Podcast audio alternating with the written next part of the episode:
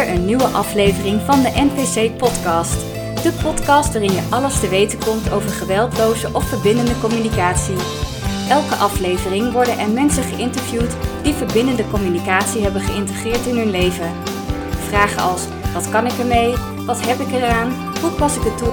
Zullen de revue passeren? Laat je inspireren door deze NPC Podcast. Hier is uw host Martijn Jansen.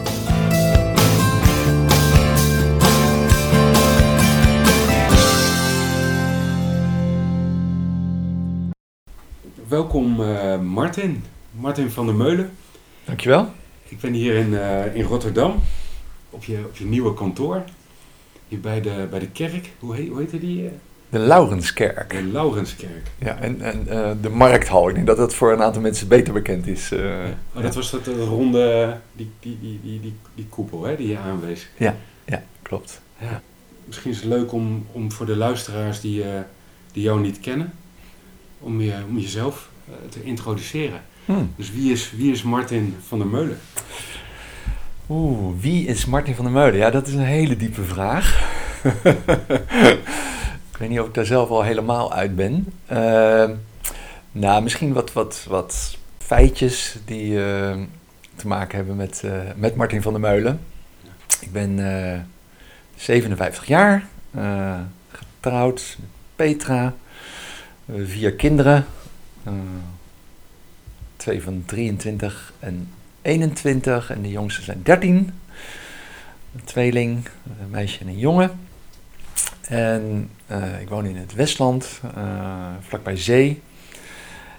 En nou, ik ben nu inmiddels, ik denk precies 20 jaar bezig met, met geweldloze communicatie.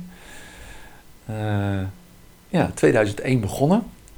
En ja, wat ik, wat ik daar wel leuk vind om daarover te vertellen. Ik heb uh, eigenlijk altijd in de logistiek gewerkt als manager bij de bloemenveiling. En op een gegeven moment uh, ik een tijdje leiding gegeven aan de hele unit logistiek. Uh, eh, 800 mensen, dat heb ik een klein jaar gedaan. En nou, lang geleden bedrijfskunde gestudeerd. En een gegeven moment vroeg ik me af van word ik hier nou gelukkig van? Want dat was wel iets waar ik altijd naar gestreefd had. Uh, manager van een grote afdeling. En, uh, en ik realiseerde me dat dat geen volmondig ja was, dat antwoord. En nou, toen heb ik uh, eerst kunnen regelen ik een halfjaartje een sabbatical onbetaald verlof kon nemen. Toen ben ik door Zuid-Amerika gaan reizen in mijn eentje. Wat bezinning? Of, ja, ja, om, om gewoon eens te kijken van, oh, nou, eh, hoe is dat? Sowieso uh, vond ik dat heel confronterend om in mijn eentje zo rond te reizen. Um, en nou, toen ben ik nog een tijdje terug geweest bij de bloemenveiling, een, een jaartje. Toen op een gegeven moment dacht ik, nee, ik wil echt wat, wat anders met mijn leven. Ik had alleen nog geen idee wat. Met mijn baan opgezegd en met mijn toenmalige vriendin naar Brazilië vertrokken. En daar uiteindelijk 2,5 jaar gewoond. En, en ook op een gegeven moment gewerkt. In het begin niet, maar op een gegeven moment had ik daar ook een, een, eh, een baan. ook weer in de, in de logistiek. Ehm, maar je was toen, want toen was je toen al bezig met geweldloze communicatie? Nee. nee. Dat komt nog. Nee. Dus dan was je, als ik even meereken, 37, 35, zo'n beetje begin 30? Um, kan dat? nee, 37, 37. Want ik ben eigenlijk twee maanden nadat ik in Brazilië kwam, kwam ik geweldloos, liep ik geweldloze communicatie tegen ja. Ja, ja. ja. En dat was via een vriend van mij, eh, Salim, eh, een hele goede vriend van mij die in Parijs woont. En uh, die daar ja, best intensief mee bezig was. Hij had me er wel eerder wat over verteld, maar blijkbaar nou, resoneerde dat niet. En uh, toen ik daar zat, kreeg ik een mailtje van hem. En ja, dat, dat op een manier resoneerde toen wel. Ik was natuurlijk ook toen ook wat meer op zoek van, oh ja, wat dan nu? En ik ben het boek van Marshall, Marshall Rosenberg gaan lezen. En uh, nou, ik merkte dat ik eigenlijk meteen verkocht was. In de zin van dat uh, uh, het boek me heel erg raakte. Wat, het basisboek van Marshall. Maar wat resoneerde daar? Weet ja, je dat nog? Ja, ja, ja, dat weet ik nog heel goed. Eigenlijk twee dingen. Het eerste was dat ik zoiets had van... wow, wat zou de wereld er anders uitzien... en in mijn optiek mooier als meer mensen op deze manier met elkaar om zouden gaan. Dus echt uh, ja, wel echt een soort verlangen van... ook een van de redenen waarom ik mijn baan had op, opgezegd. Van, oh, dat ik eigenlijk bij wilde dragen aan een mooiere wereld. Dacht, oh, dit is echt een manier. En het, tweede was dus van, oh ja, wat zou het mooi zijn als ik dit zou kunnen gaan doen. En me daarin zou kunnen verdiepen en de training in kan geven. Gaan geven. En ja, dat, uh, daar, heb ik toen, daar ben ik toen eh, stappen voor zetten. Dus ik contact opgenomen met die organisatie in, in de Verenigde Staten, CNVC, Center for Nonviolent Communication. En die zeiden, nou, ja, hartstikke leuk en veel plezier ermee. maar ja, wij, wij, wij faciliteren dat, dat niet heel erg. Maar er is, je kunt wel contact opnemen met Dominic Barter. dat was op dat moment ongeveer de enige in Latijns-Amerika die hiermee bezig was. En die bleek in Rio te wonen, waar ik op dat moment zat. Hmm. Dus twee weken later zat ik met hem op een, op een terrasje. En nou, zo, ja, dat, dat was eigenlijk de start. Want, want dat center, dat bestond toen al? Ja. En had dat een bepaalde functie ook om, het, om het trainingen te faciliteren? Of, of? Uh, ja, Marshall Rosenberg had dat uh, opgericht met het idee om nou, hem te ondersteunen sowieso met, met wat hij allemaal uh, deed. Ja. maar ook om bij te dragen aan verdere verspreiding wereldwijd. En, ehm, maar het was, ja, het was eigenlijk een hele kleine club. Dus ze, kunnen, ze konden daar ook niet zo heel veel in doen. Dus hun voornaamste rol was mensen met elkaar in contact brengen. Ja. Zoals ze mij met Dominic Barter in contact hebben gebracht. En ja, ik, ik vraag me nog steeds wel eens af, hè, zoals het toen begon, van word ik hier gelukkig van? En, en tot dusver is het antwoord nog steeds volmondig ja. ja. Dus nee, ik, ja, het, inspireert me nog iedere dag en ik krijg nog steeds heel veel energie van. maar dit is, nou, ik, ik, merk ook door jouw vragen dat het ook wel weer leuk is om teruggebracht te worden naar die, uh, naar die tijd in, uh, in, in Brazilië. Want dat was eigenlijk een geweldige tijd om, uh, om, om, om daar ja, geweldloze communicatie te leren en daar, daar, daar, de eerste dingen in te doen, de eerste stapjes in te zetten. En Marshall Rosenberg naar Brazilië te halen en, en nou ja, dat soort, dat soort dingen. Ja. ja, want je was, je gaf aan, je was 37. Om en nabij, je kinderen waren 23, dus je had ook kinderen. Die had je um, bij je in, in, in, in Rio? En ja. Nee, dat, misschien is dat goed om, om dat uh, uh, heel scherp, uh, hoe jij dat allemaal berekent. Um, de oudste twee zijn in principe van mijn, van mijn vrouw, dus dat, dat zijn ja. formeel niet mijn kinderen. Okay. Um, maar die hebben eigenlijk vanaf dat ik haar heb leren kennen en we samen zijn gewoond, altijd ook vooral bij ons gewoond. nou, zodat ze gewoon nog contact met hun vader hadden ja. en nog steeds hebben. Uh, maar ik beschouw ze ook wel echt als mijn kinderen, als, als zijn ze dat, als zijn ze formeel mijn stiefkinderen. Ja, ja. ja, ja. ja en, en het mooie, ook gewoon de aanname die ik dan doe, hè? ja. Dus ik, ja. ik zak door het ijs. ja. Nee. Ja. Nee, maar dat, dus je, je, want je begaf je dan, ik probeer me dat zo'n beetje voor te stellen, dat je in, uh, ja, 37 jaar in Rio en op zoek naar, naar een stukje meaningful, een stuk betekenis in je, in je leven. En je vond dat niet in je in de logistiek. Ja. En je kwam in contact via de vriend in, in Parijs met, met geweldloze communicatie, boek gelezen. Ja. En in contact met de heer Barto. Uh, ja, Dominic Barter. Eh, een aantal mensen in, uh, internationaal zullen hem wel, die naam zal wel wat zeggen, want hij doet heel veel met.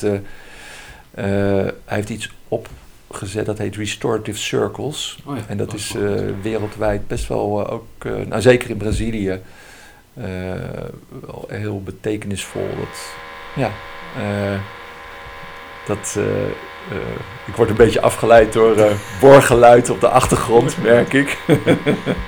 Misschien heb ik wel een, een anti-boorgeluid filter. Of ik ben bang van niet. Maar, ja. Dus ik moet even kijken hoe dat, hoe dat, zich, hoe dat zich ontwikkelt. Ja, focus, focus Martin. Oh, nou, ik, ik, heb geen probleem om het te focussen. Dus, dus nee, nee. Maar ehm, Um, de Restorative Circles? Die, ja, uh, heeft hij opgezet. En uh, nou, hij was toen net een tijdje... Hij had net Marshall niet zo lang daarvoor in Brazilië uitgenodigd. Dat was eigenlijk de start. Uh, was ik net te laat voor twee maanden daarvoor had hij dat gedaan. Ja. En hij begon net een organisatie op te zetten in, in Brazilië. Ja. En nou, daar heb ik hem bij geholpen. Nog een aantal andere mensen had hij ook om zich heen verzameld. En we hadden wekelijks, in het begin uh, wekelijks een oefengroep met elkaar. En op een gegeven moment werd dat groter en we gingen we meer oefengroepen houden. En we gingen trainingen geven. En, uh, want had je toen al een training gevolgd? Want rond die tijd. Want je had het boek gelezen en toen... Nou, we hebben, uh, sowieso wist hij er vrij Hij had een IIT gedaan, zo'n internationale training. Dus hij was, was echt een stuk verder uh, dan ik mm -hmm. daarin. Uh, dus ik heb van hem heel veel uh, geleerd. Maar we hebben ook vrij snel hebben we John Kinnion naar Rio de Janeiro gehaald, Amerikaanse trainer. En Barbara Larsen, een andere Amerikaanse trainer, is ook naar Brazilië gekomen. Um, uh, ik ben op een gegeven moment ben ik naar Amerika gegaan voor een, een zo'n negendaagse internationale training bij Marshall. Uh, dus nou ja, zo langzaam maar zeker. Uh, we wisten natuurlijk eigenlijk gewoon nog van toeten nog blazen in het begin. Maar ja, langzaam maar zeker onszelf getraind, elkaar getraind, mensen gehaald om ons te trainen, ons erin verdiept op alle mogelijke manieren. Een soort pionier. Zo. Ja, zeker. Ja, ja zo, zo voelde dat wel heel erg. Ja. En was dat heel anders dan nu? Want bedoel, je zit nou 20 jaar uh, in het vak. Ja, ik denk het wel. Het was, het was nog, uh, denk ik, je kan natuurlijk altijd je eigen werk zoeken, maar er was daar nog niet heel veel. Uh, dus het was ook ja, zelf alles organiseren, zelf dingen bedenken, zelf initiatieven nemen. Kun je daar schetsen hoe dat ging? Want internet zal daar om en nabij geweest zijn, maar gok nog niet heel veel. We gingen toen nog naar een internet, uh, internetcafé, ja, ja. weet je wel. Dus dat, uh, dan zat je inderdaad met twintig mensen in een internetcafé. Uh, dus dat, nee, klopt. Dus dat was, was inderdaad, ja, pionieren. Dus veel meer met de mensen daar uit de buurt. Um, ik heb ook bewust heel snel Portugees geleerd, of Braziliaans Portugees geleerd. maar het groepje waar ik in zat was toch ook wel voor een stukje ook internationaal. Want die Dominic Bart is een Engelsman die met een Braziliaanse was getrouwd. En hij, had, hij werkte ook op een internationale school. Ja. En daar zaten ook wat mensen in dat groepje. Uh, de meeste Brazilianen waar ik mee omging spraken ook Engels. Maar op een gegeven moment ja, deden we dat ook veel meer in het, uh, in het Portugees. En uh, ja, met elkaar contacten delen, dingen opzetten gewoon kijken wat er gebeurt en een uh, volgende stap zetten en bedenken van, oh, volgend jaar willen we een zo'n uh, IIT organiseren met Marshall Rosenberg. Dus wat is daarvoor nodig? En, ja. Ja. ja. En wat was daar allemaal voor nodig? nou, dat is samen met Dominic heb ik ik denk dat wij met z'n tweeën de, de, de, de, grootste deel van die organisatie uh, hebben gedaan. Maar dat was wel heel veel. Uiteindelijk uh, hebben we een, een, zo'n internationale training met, ik denk dat er 50 of 60 mensen waren. Maar zeker in Brazilië was dat best lastig te organiseren, omdat mensen eigenlijk weinig of geen geld hadden.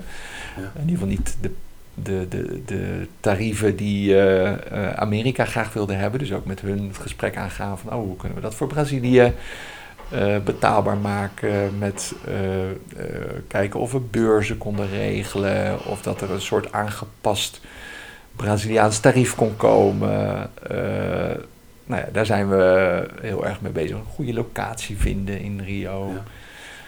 Uh, en uh, nou ja, uiteindelijk kom je daar dan allemaal wel uit. En dan uh, komt er iets uit. En dan, uh, Was CMVC dan de organisatie een soort zakenwaarnemer? Of had je dan rechtstreeks contact met, met Marshall? Nee, voor dit soort dingen, nee, gelukkig laat hij dat door, liet hij dat, want hij is inmiddels natuurlijk overleden, liet ja. hij dat door anderen regelen. en ja, die waren uh, altijd bereid om te kijken wat er mogelijk En ze hadden natuurlijk ook ja, bepaalde uitgangspunten uh, waar ze ook aan vast wilden houden. Ja. ja. Je zegt gelukkig? Uh, nou, ik, ik gun hem wel dat, dat hij bezig was om, het, om, om met name bezig te zijn met het delen van geweldloze communicatie. Want ik heb best wel veel trainingen en workshops bij hem gevolgd. Ja. En ja, dat, dat was zo enorm inspirerend. dat ja, hoe moet ik dat zeggen? Nou, ik heb ook gezien hoeveel tijd die besteedde soms en hoe druk die was met, met, met reizen en met, met uh, als ik naar zijn schema keek, werd ik al, werd ik al moe. Weet je wel. Hij gaf geloof ik 300 trainingsdagen per jaar. Nou ja, als ik er 100 haal, ben ik al heel tevreden. Om maar even aan te geven, daar zat dan zijn reistijd nog niet eens bij. Weet je? Dus dat deed hij dan nog eh, tussendoor van de ene naar de andere kant uh, van, uh, van de wereld. Uh, dus ja, dus gelukkig dat hij daar wat ondersteuning bij krijgt. Ja, ja, zeker. Ja, ja. Want je, als je erover spreekt, joh, je, luisteraars kunnen dat niet zien, maar je begint helemaal te glunderen gewoon. Wat, wat, wat maakte die, die, die trainingen van Marshall zo, zo inspirerend? Of wat? Ja, nou, wat hij uh, had, dat is, een, en, en dat kun je op een aantal van zijn, zijn uh, soms op de filmpjes op internet, maar uh, NVC Training Course, die tegenwoordig ook op YouTube gewoon staat. Eigenlijk is dat gewoon een podcast, zou je kunnen zeggen, van totaal negen keer een uur ongeveer. Wat je daar voor een stukje al wel terug kunt horen, vind ik, is hij had een, een, een zeldzame combinatie van een soort enorme scherpte. En scherpte bedoel ik dan niet met scherp dingen verwoorden, maar helderheid. Uh, dus onderscheidingsvermogen, helder dingen brengen. En daarnaast een enorm empathisch vermogen. En mijn ervaring is dat mensen vaak of veel meer het ene hebben of veel meer het ander hebben. En daarnaast had hij dan ook nog een enorme dosis humor. Dus dat, dat, dat maakte dat er enorm veel warmte was tijdens die workshops. Dat, je, dat, dat hij altijd een manier vond om dingen te omschrijven. Die prikkelde, die, die, die, die meteen uh, iets in gang zette in mij, maar ook in andere deelnemers. Uh, ja, en die humor maakte het ook nog leuk uh, om, om, om, hè, om, om, bij te zijn. Dus hij had allerlei anekdotes en, en, en die hij dan uh, vertelde. Soms als je dan meerdere workshops volgde, dan herkende je die anekdotes oh, ja, ook. Ja. en uiteindelijk, hij, aan het eind is die, had hij zelfs last van dementie. Dus toen op een gegeven moment zijn laatste workshops waren niet zijn beste. Want dan kon hij zelfs die anekdotes meerdere keren tijdens een workshop gaan oh, vertellen. Ja, dat heb ik ben ik zelf niet bij geweest, maar dat heb ik wel van meerdere mensen teruggehoord. Uh, maar dat, ja, die, die combinatie vond ik echt uniek. En dat betekende bijvoorbeeld dat uh, een aantal van zijn, als hij een workshop gaf, ehm, dan kon je de zinnen die hij daar uitsprak, kon je gewoon opschrijven. En dan, dan had je gewoon een, een, een boek, bij wijze van spreken. Terwijl, zoals ik nu praat, heel vaak dan doe ik een soort tussenzinnetjes, of ik stop eventjes, of ik maak dingen niet af. En, nou, hè, dus hij had daar een enorme helderheid of scherpte in. Ja. Ja, ja precies. En dat, was, dat zijn ook dingen die. Uh, ja, want het is natuurlijk een hele talige manier van communiceren, zeg maar. Mm -hmm. En eerst als je zo scherp bent in de nuance of zo, ik kan me ook voorstellen, dat is mijn ervaring in ieder geval, je, aan het begin weet je ook niet zo goed waar je op moet letten allemaal. Dus dan komt het soms als een heel overweldigend, ja. overweldigende hoeveelheid op je af. Ja. En hoe maak je daar soep van? Ja. Omdat, omdat het zo niet, weet je, dat hoor je natuurlijk ook in die cd's, het is zo niet automatisch natuurlijk mij aangeleerd. Ja. Dus voor mijn gevoel moet je ook zo gigantisch veel afleren. Ja. Maar ergens zit er altijd iets van, dat je denkt van, ja, dat klopt gewoon. Maar je kan het gewoon niet, niet vatten nog. Ja. Ja. Dat is soms wel heel frustrerend. Ja. En dat, dat, precies wat jij, ik vind dat je het heel helder omschrijft. En hij vond dan dus, hij, want ik vind zijn one-liners, uh, die, die, die, nou, uh, er zijn er één of twee die zijn heel bekend geworden, maar hij heeft wel tachtig die inspirerend zijn voor mij. Uh, en in bijna al die one-liners wist hij een soort vervreemdend effect te bewerkstelligen, waardoor je jezelf openstelde om ja, uh, om, om verder te kijken dan wat je aangeleerd was, om het maar even zo te zeggen. Dus laat ik een voorbeeld geven. Dat is ook zo eentje dat, dat allerlei mensen vragen van, ja, hoe zit dat dan? Hè? Uh, maar dat is, uh, hij heeft het bijvoorbeeld over empathy from hell, bijvoorbeeld. Dan denk je, huh, empathy, empathy from hell, hè? Uit, uit de hel, hoezo, wat dan? Ja. En wat hij daarmee bedoelde was dat we heel vaak de intentie hebben om empathisch te zijn voor iemand, voor iemand anders. Ehm, maar als we eigenlijk zelf empathie nodig hebben, omdat we zelf getriggerd zijn of zelf pijn ervaren of zelf, uh, weet ik veel, vermoeid zijn. En we proberen, het woord zegt het al, empathie te geven aan dan of empathisch te luisteren naar de ander, dan is het empathy from hell. Want het, is, het blijft bij een poging. Het, het is eh, bijna, het, het, is heel lastig om het oprecht te laten zijn, omdat ik eigenlijk zelf empathie nodig heb. En als je niet uitkijkt, dan ontstaat er een soort schuld. Hè, omdat de volgende keer, uh, als je niet uitkijkt, dan heb je zoiets van, ja, volgende keer moet je ook wel naar mij luisteren als jij even geen ruimte hebt. Want dat heb ik vorige keer ook naar jou gedaan. Hè? En dat soort zinnetjes, uh, die zetten meteen een soort iets op zijn kop of zo. In, in, precies wat je zegt, in je, in je bewustzijn of in je, in je, in je denken. Ja, het is een soort markering of zo, waar je gewoon een, eh, een vlag in de grond kan prikken van let op, uh, oppassen, hier. Exact. Hier, hier, hier, hier. Dan kun je bijvoorbeeld op een, op een verkeerd spoor of zo. Ja, ja, ja. Of een andere die die heeft is how to enjoy someone's pain. Ja. Genieten, dat klinkt bijna sadistisch, weet je. Hoezo zou ik genieten van iemands pijn? En nou ja, uh, je kent hem waarschijnlijk, maar... Nou, als ik mijn assessment, uh, daar staat hij op. Oké. Dus misschien ook voor de mensen die nog van plan zijn om uh, zich te gaan certificeren. Let op, Martin gaat uitleggen. nou, laat ik het zo zeggen. Um, want dat, dat, dat vind ik wel het interessante aan geweldloze communicatie. Ik weet niet zozeer of het gaat over uitleggen, maar meer over hoe ik het ervaar. Ja. Het delen van mijn ervaring. Maar hoe ik hem, laat ik zeggen, hoe ik hem hoor, want je kunt hem denk ik ook op, op verschillende manieren. Hij, hij gebruikte dat voorbeeld dat een, een vriendin van hem die uh, uh, doodziek in het ziekenhuis uh, lag, dat hij af en toe ehm, aan Marcia vroeg: Wil je komen spelen met mijn pijn? Do you want to come and play with my pain? En daar heeft hij uitgemaakt van: Oh, how to enjoy someone's pain. Mm-hmm. Omdat het heel erg gaat over de, misschien wel de kern van empathisch luisteren, dat, het gaat heel erg over aanwezig zijn. En niks doen. Dus kijken of je echt bij die pijn kunt zijn, zonder dat ik mezelf weer laat triggeren in wat het bij mij allemaal oproept. Of het op wil lossen bij jou. Of het kleiner wil maken. Of je gerust wil stellen. Of al die andere valkuilen die we allemaal kennen bij uh, empathisch luisteren. En uh, nou, dat is dan ook weer zo'n zinnetje waarvan. Maar dat is dan plezierig of zo enjoy? Ja, kijk of je. Uh, nou, niet zozeer dat dat plezier is, maar kijk of je uh, alleen maar kunt genieten van het erbij zijn, om het maar even zo te zeggen. En je niet af kunt laten leiden van wat het allemaal weer bij je oproept en wat je allemaal wil gaan doen. Uh, en genieten is dan natuurlijk heel, ja, een heel apart woord. En tegelijkertijd nou, dat is dus wat iedere keer wat het doet. Het zet meteen iets in van, hé, hoe kan dat nou? Hoe, hoe bedoelt hij dat nou? nou ja, ja, ja. Waarom zou je dat nou willen? Ja.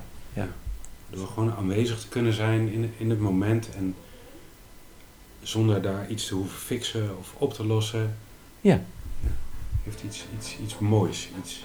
Ja, iets moois. Dat is misschien iets, iets, iets uh, nou, bijna sacraals, heiligs of zo. Ja. Dat soort woorden gebruikte hij ook wel.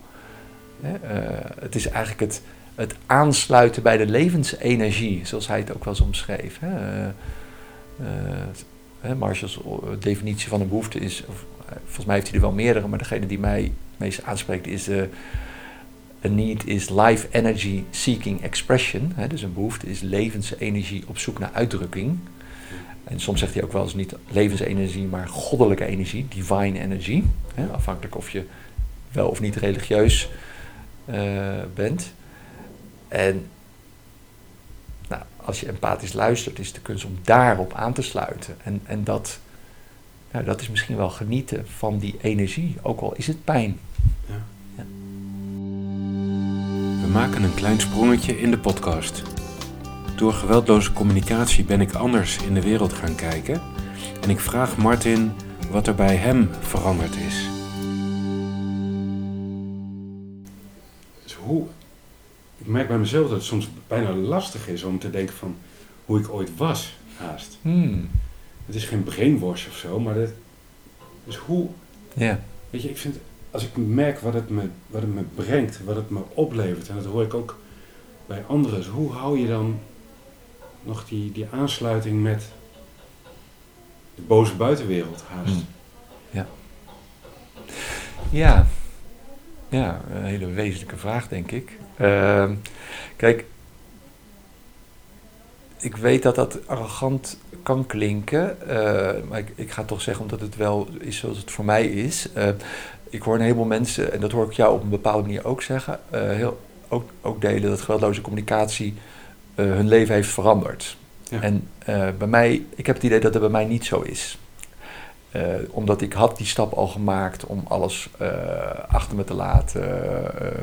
Uh, wist heel erg mijn intentie al voordat ik überhaupt geweldloze communicatie tegenkwam. En dat wil niet zeggen dat geweldloze communicatie mijn leven niet verbeterd heeft. Maar ik denk dat de grootste verandering was, was net daarvoor al. Ik, ik, ik, stond ervoor open omdat ik die verandering denk ik al voor een heel belangrijk deel gemaakt had. Ja. Eigenlijk mijn oude wereld al los had gelaten, om het, om het maar even zo te zeggen. Um, en wat ik wel herken is dat ik tegenwoordig soms bijna met verbazing kan kijken hoe druk mensen zich om bepaalde dingen maken. Dus dat herken ik wel. Hè, van, uh, en nou, COVID is natuurlijk een heel, heel actueel iets.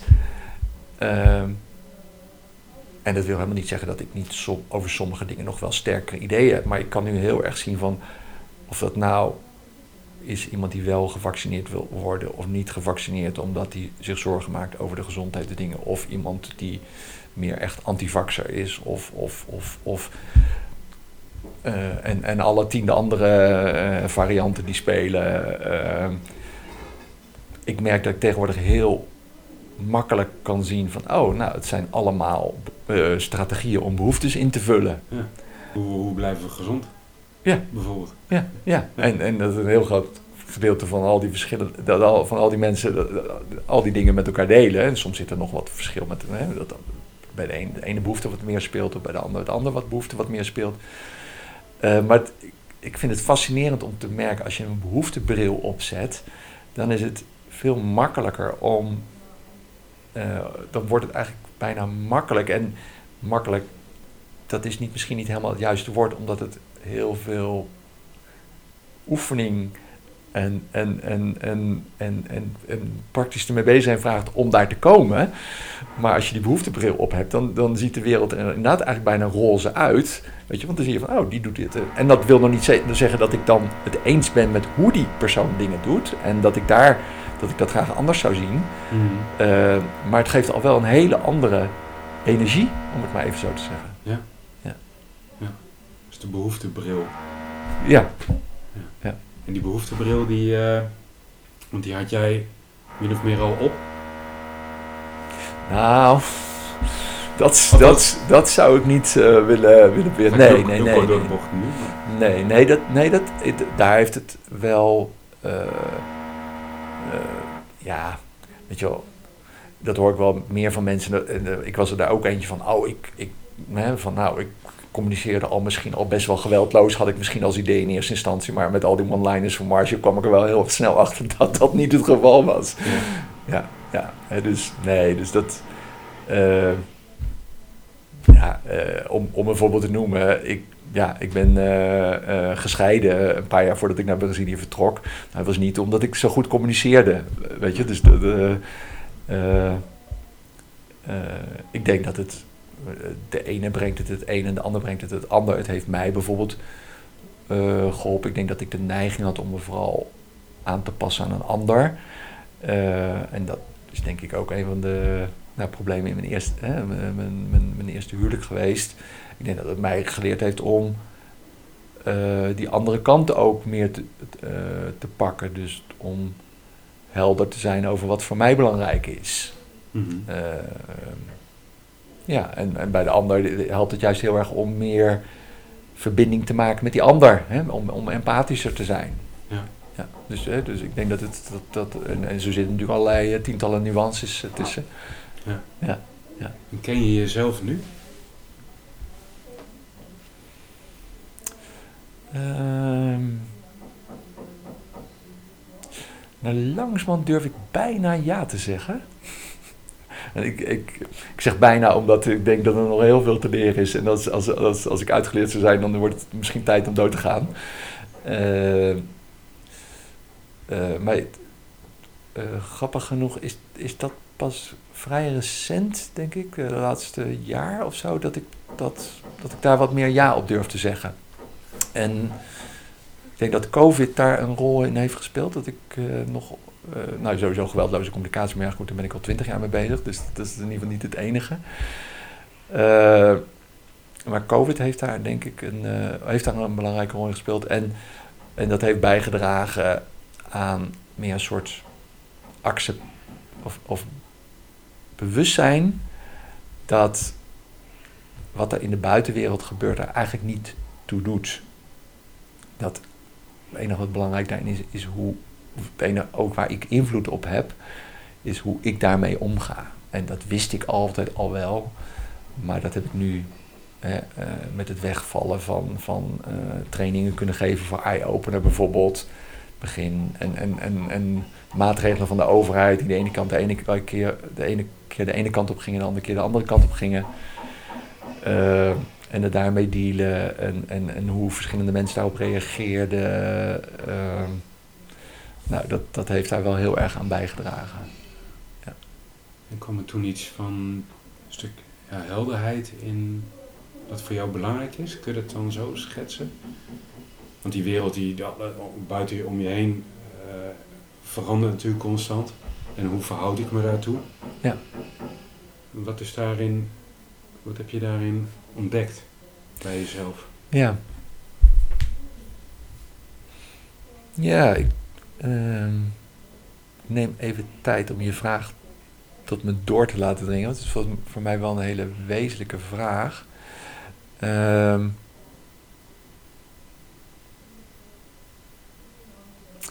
ja, wat ik, wat ik eigenlijk ontdekt heb, is dat het de kunst is om zo dicht mogelijk te blijven bij degene die dat alles waarneemt wat er gebeurt. En mijn gevoelens en mijn gedachten en mijn behoeftes en alles wat er langskomt.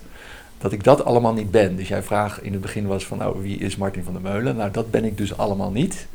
En ik, uh, hè, natuurlijk, uh, nou, ik heb een gezin en uh, ik, ik, geef trainingen en nou, et cetera. Maar dat ben ik allemaal niet. Want ik ben eigenlijk de waarnemer van alles, van dat alles. En, en dus ook maar een heel klein stukje van, nou, bewustzijn. Uh, en dat zijn dan even nu de beste woorden die ik kan vinden. Uh, ja.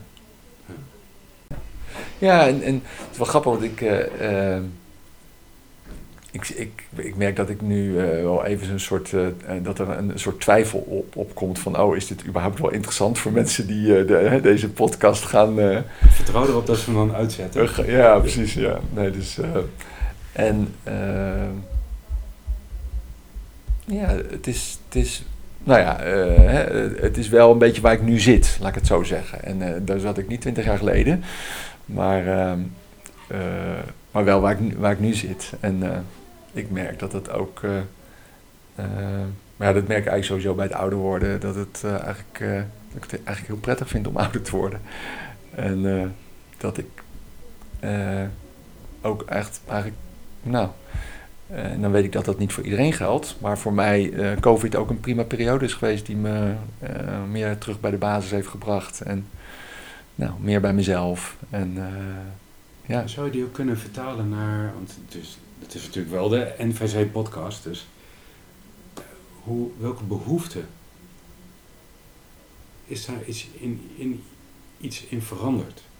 Zeg maar de Martin van 20 jaar terug en de Martin zoals je nu ziet.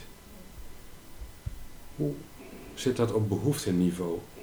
Kun je daar iets over delen? Is daar iets in veranderd? Bepaalde zijn andere behoeften belangrijker geworden? Ja, ik denk, dat de, nou, ik denk dat de grootste stap is. Uh, want wat ik bijvoorbeeld in mijn trainingen merk, is dat bij mensen vaak eenzelfde behoefte terugkomt. Dus bij de een is dat erkenning, bij een ander is het verbinding, bij een derde is het veiligheid. Uh, en uh, het, nou, als, als iemand een gesprek eh, voert waarbij erkenning heel erg belangrijk is, hè, dan hoeft de gesprekspartner maar zijn wenkbrauw op te, uh, op te, op te trekken en dan, dan is die behoefte aan erkenning staat direct op het spel, weet je wel? Terwijl, nou, die ander kan misschien ook verward zijn even een vraag hebben of zo. Of aan het voorhoofd.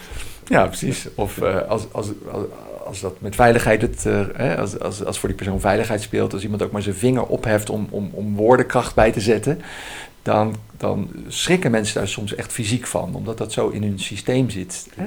Dat traumatisch, traumatisch misschien. Ja, ja hè? dus ik, ik noem dat dan wel eens een kernbehoefte, hè? niet een officiële term in geweldloze communicatie, maar um, en, en heel vaak heeft dat te maken toch met dat die behoefte in je jeugd niet of in mindere mate is ingevuld. En nou, ik heb eigenlijk vanaf het begin af aan is voor, was voor mij wel helder dat vertrouwen mijn kernbehoefte was. En dan met name vertrouwen op mezelf.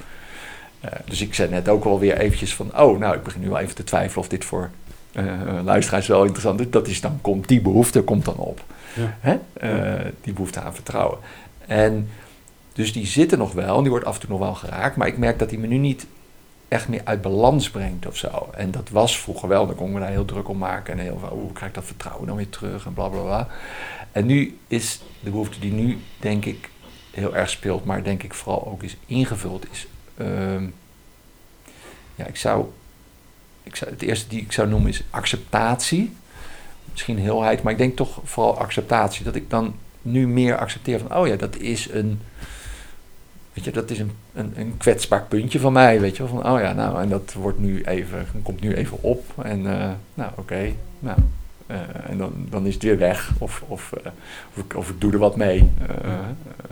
maar, ja. Ik heb was geleerd dat er voor een aantal behoeften kun je zelf voorzetten. Dus als je het hebt over acceptatie, raakt dat dan ook iets van zelfacceptatie? Ja, ja. Net zoals vertrouwen Zelfvertrouwen. En zelfvertrouwen. Dus hoe... Ja. Want dat zijn natuurlijk wel dingen die, die ook een stukje stevigheid geven. Mm -hmm. Een stukje, weet je, ook als verbindend leiderschap of hoe, hoe, hoe geef je een soort leiding aan jezelf. Ja. Dus hoe, hoe zou je, als het gaat om zelfacceptatie en zelfvertrouwen, hoe heb jij dat geleerd of, of gevoed? Of hoe zeg je dat, steviger mhm. gemaakt? Ja. Kun je daar iets over schetsen, iets over ja. Nou, kijk, uh, voor de mensen die wel eens zo'n, uh, uh, officieel heet het geloof ik de zelf-mededogendans. ik, ik gebruik altijd, ik noem het altijd het straatje. Ja. Het straatje lopen. die dat soort oefeningen wel eens gedaan hebben. Dat je door eigenlijk de stappen van het model heen loopt. Nou, als ik dat deed, dan kwam ik heel vaak dus op behoefte aan vertrouwen uit. En zelfvertrouwen. En dan kun je daar ook verzoeken aan koppelen. En mijn ervaring in de loop van de jaren is dat eigenlijk uh, de krachtigste verzoeken verzoeken aan jezelf zijn. Uh, natuurlijk, speelt er dan iets met een gesprek met iemand en dan kan je die ander wel iets verzoeken, maar dat uiteindelijk het heel erg gaat over dat verzoek wat je aan jezelf doet. Dus ik herken heel erg wat je zegt van ja, je kunt dat woordje zelf voor bijna voor al die behoeftes er wel voorplaatsen. En nou, als je dat veel doet, als je die verzoeken ook doet en je doet daar iets mee, uh, dan dan, ja, dan vult die behoefte, om het maar even zo te zeggen, die, die, ja, die vult zich langzaam, zou je kunnen zeggen. Uh, dan krijg je meer dat idee van de schoonheid van de behoefte, die is ingevuld. Van, oh ja, het gaat om vertrouwen, zelfvertrouwen. En dan ben ik hem eigenlijk al, door erbij stil te staan, ja. Kun je eens voorbeelden geven van dingen die je dan verzoeken? Want verzoeken is natuurlijk bij wijze van hoe, je, hoe geef je handen en voeten aan het vervullen van de behoefte. Ja. Dus hoe Kun je eens voorbeelden geven van dingen die jij uh, hebt verzocht? Ja. Aan jezelf, aan de ander? Ja, nou, uh, uh, een, een, een voorbeeld. Ehm, toen kwam die bijvoorbeeld nog, was, was, was, was bij een, een, een, opdracht bij een, bij een organisatie. En nou, die, directeur die was niet helemaal tevreden over, over wat we deden. Dat had er ook mee te maken dat we op een gegeven moment naar online zijn overgestapt. En dat, dat, uh, uh, dat het een langer traject was. En nou, dan wordt die onzekerheid bij mij weer, of nou vertrouwen wordt weer getriggerd, merk ik. En nou, dan kan ik nu veel meer zeggen van oké, nou, verzoeken aan mezelf is dan om te accepteren dat dat een stukje van mij is. en ander verzoek is bijvoorbeeld van oké, nou, laat ik daar nou niet heel erg mee bezig zijn, maar laat ik nou even actief kijken wat ik ermee kan doen. Hè? Uh, nou, en uh, een van de verzoeken was van, oh, laat ik contact opnemen met mijn collega met wie ik dit traject doe en te kijken hoe we er op een goede manier mee om kunnen gaan. Uh, dus dat zijn een aantal hele concrete verzoeken. En dan merk je van, oh ja, vroeger ging ik dan heel erg in dat vertrouwen en oh, en lastig en twijfel en angst en bla bla bla, onzekerheid. Ja. En dan ging ik daar heel erg aan werken. En nu ja, is het veel meer van, oh ja, nou, ik weet dat het er zit, niks nieuws. En ja. Uh, ik hoef niet heel, al mijn energie aan die emotie en aan, aan, aan die behoefte te besteden. Nee, ik ga nu gewoon dingen doen die nodig zijn om, om, om een volgende stap te zetten. Ja. En dat, dat geeft zoveel ruimte. Vroeger kon ik bij wijze van spreken twee dagen met dat vertrouwen bezig zijn. En dan, dan had ik nog maar een halve dag over om de presentatie voor te bereiden, bij wijze van spreken. Weet je? Dus dan ging dat allemaal van mijn, van mijn, van mijn voorbereidingstijd af. Weet je? Dat, dat, dat had dan de. Ja, nou, om, om maar een concreet voorbeeld te geven. Ja. En ik hoor ook dat je zegt van ja, je, je, je reikt dan uit eigenlijk voor iets van steun of hulp of zo naar een collega. Van hoe kunnen we met deze situatie omgaan? Ja. En misschien is dat ook wel een indirecte manier voor vertrouwen. Ja. Door, door misschien de samenwerking eh, Zeker. aan te gaan. En, uh, ja. Dus je voedt hem zelf door het erkenning te geven dat het er is, ja. hoor ik daarin. Ja. En, je, en je weet, je bent ervan bewust van hé, hey, dit is zo een, een dingetje, een, een, iets waar ik misschien wat kwetsbaarder op ja, Zeker. Geef ja. aandacht. Ja. En, en, en in het verleden, dat is misschien nog wel een handige toevoeging, dan zou ik dus zo met mezelf eigenlijk bezig zijn, hè, om te met, met die onzekerheid en dat vertrouwen, dat ik de verbinding met die ander uit de weg zou gaan. Dan zou ik, weet je, vanuit bescherming, van oh, ieder, ieder contact wat ik met die ander heb, dat triggert mij in mijn behoefte aan, aan, vertrouwen op mezelf. En wat ik nu heel erg wil, nee, ik moet juist de verbinding aangaan. Dus dan maak ik juist afspraken om daarover te gaan praten en feedback te horen. En te kijken wat zij anders willen, wat ze kunnen doen, wat we eraan kunnen doen. En, en hè, dus vroeger ging ik naar achter en dan ging ik heel erg met mezelf bezig zijn. En nu heb ik daar niet zoveel tijd meer voor, minder tijd voor nodig. Ja. Uh, en, en ga ik veel meer, uh, je zou kunnen zeggen de confrontatie, maar het is vaak niet eens een confrontatie, het is alleen maar in mijn hoofd. Ja. Hè? Gewoon het gesprek aan met die ander op zoek met, met de intentie of de focus op, op oplossingen. Van de toren van, hé, hey, wat speelt er dan aan? Dan ben ik ook nieuwsgierig naar die ander, weet je. Want ik, het, het, is niet zo dat ik de hele tijd bang ben van, oh, wat die ander gaat zeggen, dat triggert mij. Nee, van, oh, wat, wat wil die dan anders? En had hij andere beslissingen willen nemen? Of had hij uh, andere keuzes willen maken? Of nou, wat het ook maar is. Ja, ja mooi. Dus zo kun je met je, met je de, de, de, de behoeften aan de gang, zeg maar, die, uh, ja, die voor jou belangrijk zijn. En je hebt daarin de, de verandering dus gemaakt, want zo kwamen we erop. Van in die twintig jaar zijn de behoeften, zeg maar, bepaalde behoeften veranderd. De Martin van toen en de Martin van nu. Ja. Zo kwamen we erop. Ja. En dat je wel door hebt van, nee, er zijn bepaalde behoeften die toch eigenlijk wel, ja, die je eigenlijk met je mee hebt genomen door de jaren heen. En daar op een andere manier mee om bent gaan. Ja, ja. En, en ja. Um, en dus ook het, is, het heeft dus bijna ook, dat klinkt misschien uh, tegenstrijdig, maar bijna met een soort relativering te maken van die gevoelens en die behoeftes ook. Van, oh, weet je, als ik. Uh, daar doe ik ook wel eens oefeningen in, maar er is uit onderzoek bekend dat we ongeveer iedere 45 seconden een ander gevoel hebben.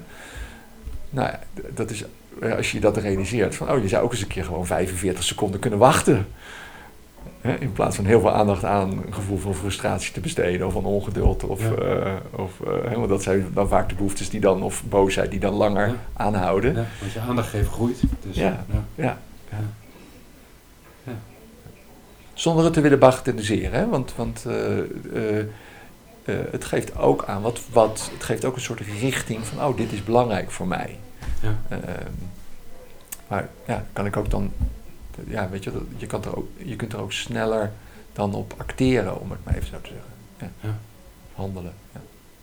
Dus het is ook een beetje een, uh, bijna abstract iets. Ik ben geen idee ook of de luisteraars het allemaal nog kunnen volgen. Ik merk, weet je, dus ook, het, heeft mee te maken van hoe kun je zijn met wat is.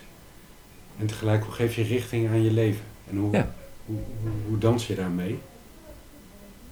Ja. en dat je dat wel ervaart als een soort, een soort berusting. Meer rust ervaart in te zijn met wat er, wat er allemaal op je afkomt, hoe je daarmee dealt. Ja, ja en, en het is wel grappig, dat woordje berusting, daar merk ik dat... Uh, dat is dan net niet het woord wat het voor mij. Ja, het, voor mij is het toch meer, omdat voor mij berusting. Voor mij is acceptatie een woord wat beter aansluit, omdat voor mij is berusting zoiets van. Oh, nou ja, ik kan er toch niks mee of zo. Of zo. Ja, en dat is het niet. Nee, exact. Het is. Uh, echt iets van, oh ja, ja het, het, het is zoals het is. En oké, hoe, hoe ga ik daarmee. Uh, hoe ga ik daarmee om? Om, om een voorbeeld te geven.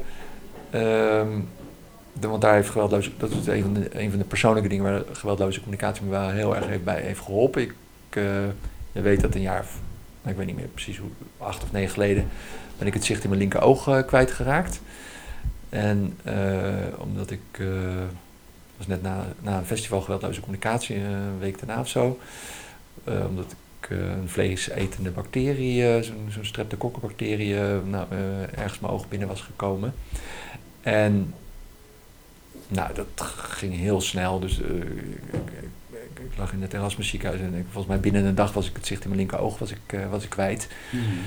En mijn oog zag er, ik heb die foto's nog wel eens teruggekeken, echt verschrikkelijk uit. Echt een opgezwollen gezicht. En, echt redelijk dramatisch. En Ehm, toen heb ik ehm, eigenlijk, nou de eerste paar dagen kon ik eigenlijk sowieso niks, omdat ik hartstikke ziek was. Maar vrij snel besloten om, behalve dan mijn vrouw, geen bezoek te hebben van mijn familie of van vrienden. Uh, geen radio te luisteren, tv te kijken, uh, boeken te lezen, wat dan ook. Uh, maar gewoon alleen maar te zijn met, nou, wat er speelde. En nou, toen ik, ik, ik herinner me dat ik gewoon niet één keer de vraag heb gesteld van waarom ik of waarom nu of wat, wat, wat. Uh, meer gewoon van, nou ja, nou, nou, ja, gewoon zijn met, ja, dat ik geen zicht meer had in mijn linker oog. En, en uh, eigenlijk al heel snel uh, bedacht van, oh ja, wat wil ik dan doen en wat betekent dit en, en, en noem maar op. Ja. En ehm, ja, dus en dat, eh, ik zou dat niet als berusting betitelen, maar eerder echt als, als een acceptatie. Van, oh ja, dit is, eh, want dat was eigenlijk mijn punt. dat, dat, dat, is, dat, dat zegt, uh, hoe heet ze nou ook weer?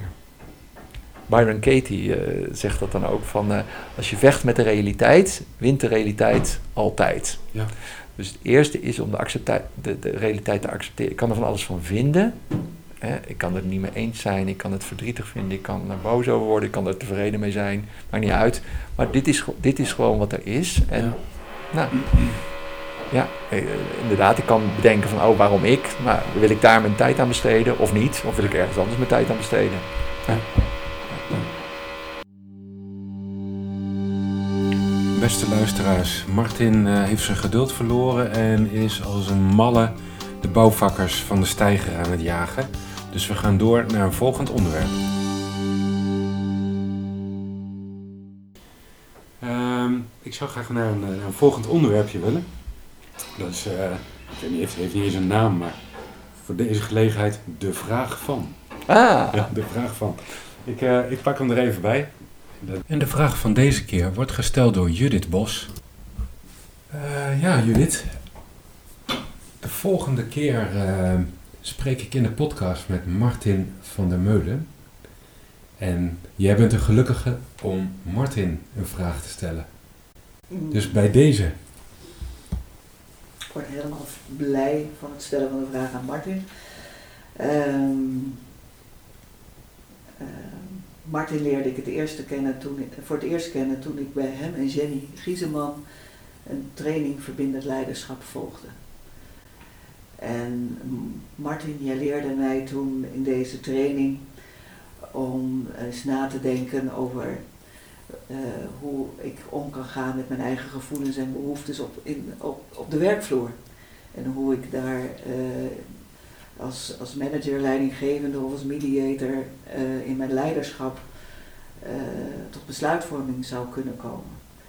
En aan deze training heb ik hele dierbare herinneringen en ik heb er zelfs een schommel in mijn huiskamer aan overgehangen, overgehouden. Ik denk dat je dat nog wel, uh, nog wel weet. En uh, die schommel die, uh, ja, die doet mij vaak aan jou denken en aan Jenny denken. Omdat ik, ja, ik zit daar heel vaak op en het staat bij mij voor als er iets mij triggert in het werk wat ik, wat ik doe of in de besluiten die ik wil nemen, dan ga ik daarop zitten en dan ga ik daarover nadenken. En die schommel die staat symbool voor inzoomen en uitzoomen. Dus als ik naar voren schommel, dan zoom ik in. En als ik naar achteren schommel, dan zoom ik uit. En door in te zoomen kom ik heel dicht bij mezelf, in wat er in mij omgaat. Uh, waarom ik het een lastig besluit vind, wie, welke mensen ik uh, nog nodig heb om tot een gedragen besluitvorming te komen. En als ik uitzoom, dan, dan hang ik daar als het ware als een helikoptertje een beetje boven. En dan kan ik wat afstand doen van de triggers die in mij leven, de pijn die misschien sommige besluiten in mij doen. Dus ja, het, staat voor mij voor plezier en voor spelen, maar bovenal voor reflecteren. En uh, als ik aan reflecteren denk, dan denk ik aan jou. En ja, jij hebt wel eens verteld dat jij je laat inspireren door Aikido. En je hebt daarin bij mij wat nieuwsgierigheid opgewekt. en ik wil heel graag weten wat Aikido voor jou betekent in relatie tot, tot geweldloze communicatie. Hoe je dat integreert in, in jouw leven. En hoewel ik kan vermoeden dat het iets met het leggen van verbindingen te maken heeft, zou ik graag van jou willen horen wat het echt voor jou betekent. Nou, ben sowieso blij verrast door de vraag. Ik had geen idee wat, wat ze zou gaan vragen. Uh, als, ik, als ik, want daar begon zij ook mee, als ik begin, als ik kijk naar Aikido. Ja, ik heb eigenlijk, ik ben met Aikido in aanraking gekomen ongeveer in de tijd dat ik ook met, met geweldloze communicatie, dat was in ieder geval ongeveer in dezelfde periode. Ehm en een aantal mensen zullen dat weten, misschien de meeste niet. Maar als je kijkt naar Aikido's uh, Japanse, ja, het wordt ook wel gezegd verdedigingskunst of kunst van de vrede, wordt het, vaardigheid van de vrede wordt het ook wel genoemd. Um, dan ben ik daar zeker geen expert en ik heb het een jaar of vier beoefend en ook op een gegeven moment wel wat, wat onderdelen in trainingen af en toe gebruikt. Maar als je kijkt naar uh, het woord Aikido, het zijn eigenlijk drie Japanse karakters. Uh, bekend is misschien wel Ki. Uh, Chinees is dat dan Chi, hoewel dat net weer een wat andere betekenis heeft. Maar de betekenis daarvan is in principe vooral energie, levensenergie. Do, dat kom je in allerlei van dat soort vormen. Judo, taekwondo, dat is eigenlijk het pad of de weg. En dan ai is het misschien wat minst bekende. Dat, dat heeft ook verschillende betekenissen, maar uh, staat vooral voor harmonie en verbinding. Als je dan kijkt naar de samenvoeging van die drie karakters, dan is dus Aikido gaat heel erg over uh, de weg, pad, om in verbinding te zijn met de levensenergie. De energie in het universum wat dat sluit het wel heel erg aan bij het nou, verhaal wat we eerder hebben gehad over acceptatie en, uh, en noem maar op. Mm-hmm. Uh, en uh, eye-opener, uh, die eerste AI, die is daar ook van afkomstig, harmonie en verbinding. dus daar zit ook al een, een link met, ja, met de organisatie.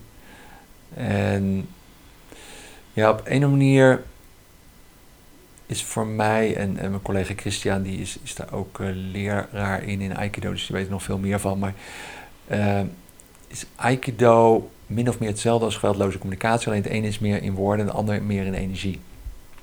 Dus ik doe wel eens oefeningen, uh, is een bekende oefening uit Aikido, de, van de onbuigbare arm, waarbij je of tegenwerkt als iemand je arm wilt, wil, wil buigen.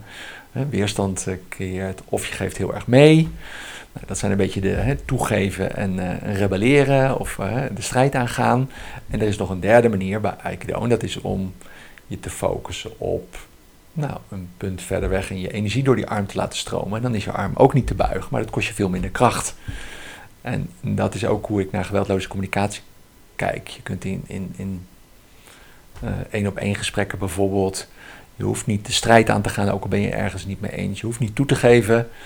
Uh, je kunt gewoon in verbinding blijven met jezelf en met de ander en van daaruit tot iets komen wat uh, voor beide werkt. Ja. En dat kost een stuk minder energie. Uh, ja. En, uh, en het grappige... training moeten de mensen bij volgen? Willen ze die oefening krijgen?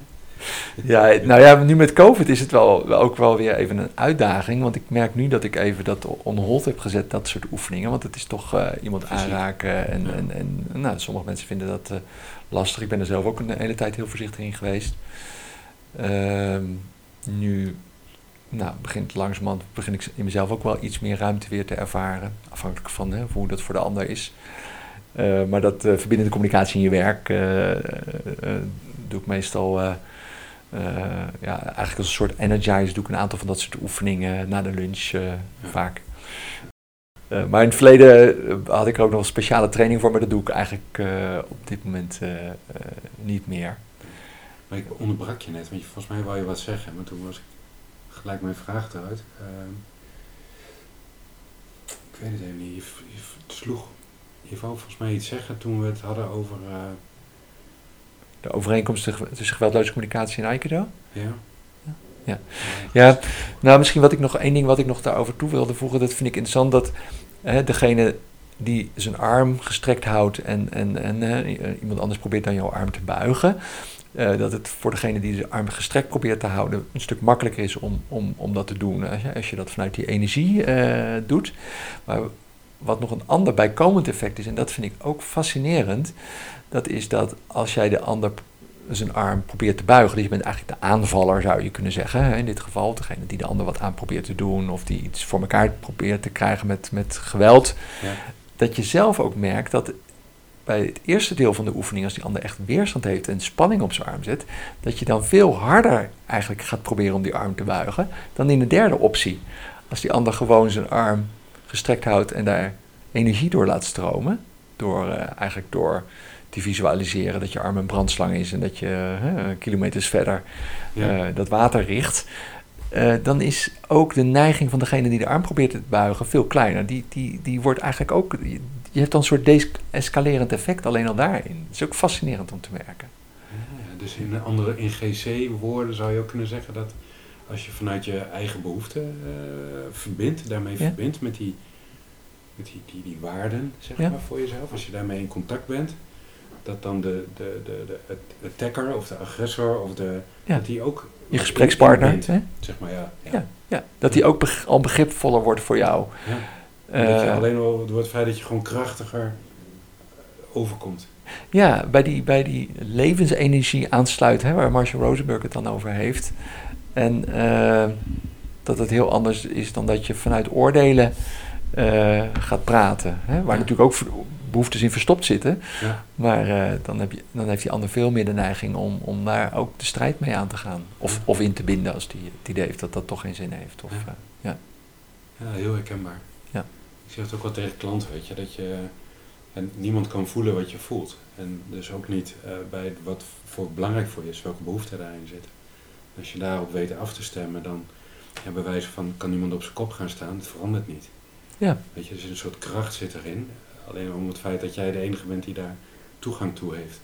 Ja, wat ik, wat ik uh, uh, gevoelens en behoeftes zijn natuurlijk heel persoonlijk, zou je kunnen. Naast dat behoeftes dat is ook het idee, universeel zijn in de zin van dat alle menselijke wezens dezelfde behoeftes hebben. Maar ja. de gevoelens en behoeftes in een bepaald moment zijn heel persoonlijk. En ze zijn ook, uh, uh, om, om even een Engels woord te gebruiken, undebatable. Dus iemand kan er van alles van vinden. Uh, die kan het belachelijk vinden dat ik teleurgesteld ben ergens over of ergens onzeker over. Maar ja, dit is van mij. Ja. En er zit een behoefte onder, die is ook van mij. Op dit moment. En uh, dit is gewoon wat er is. En, en, en, we kunnen discussiëren over de, misschien over wat we waarnemen. Misschien dat jij net iets anders waarneemt dan ik. Of, uh, hè? En we kunnen discussiëren over hoe we dat op gaan lossen. Maar dit is echt voor mij een, een, nou, uh, een debatable. Ja. ja. ja. Ehm, gezien de tijd lijkt mij een mooi moment om, om tot een afronding te komen. Nou, wat, wat mij betreft niet per se gezien de tijd, maar ik merk dat mijn buik begint te knorren. Ja. uh, volgens mij uh, zit er iets na mijn standaard lunchtijd, dus uh, daar zal het mee te maken hebben. Dus wat mij betreft gezien mijn hongerige gevoel zou ik inderdaad graag mijn behoefte aan voedsel in, in gaan vullen. Ja. En vaak dan eindig ik ook wel eens met de vraag van ben ik nog iets vergeten te vragen? Maar misschien zou ik die dan maar zelf beantwoorden. je mag hem gerust stellen en dan zal mijn antwoord zijn: Nou, nee. nee, nee. Oké. Ja. Martin, hartelijk dank voor, uh, voor je tijd en uh, voor het uh, ja, delen ook van jouw stukje. Hoe jij in aanraking bent gekomen met geweldloze communicatie, wat het voor je betekend heeft en ook hoe je het nu in de wereld zet. Ja. En dank je wel. Nou, heel, heel graag gedaan. En ja, jij uh, ontzettend bedankt sowieso voor het initiatief hiervan. Want uh, ja, ik, uh, ik word er echt heel blij van dat, dat je dit doet. En ook als ik hoor wat het, wat het mensen brengt om, om te luisteren naar die, naar die verschillende gesprekken. En ja, ook nou, vooral heel erg dankbaar van alle tijd en energie die je hierin stopt. vanuit Deventer naar Rotterdam. En alle technische uh, dingen waar ik, uh, waar ik met veel bewondering naar kijk. Dus uh, dankjewel. Graag gedaan. En we kunnen nog even de groeten doen aan de bouwvakkers op de achtergrond. ja, precies. die nu opeens heel, die zijn volgens mij ook een lunchen. ja. ja. Oké, okay. hey, dankjewel.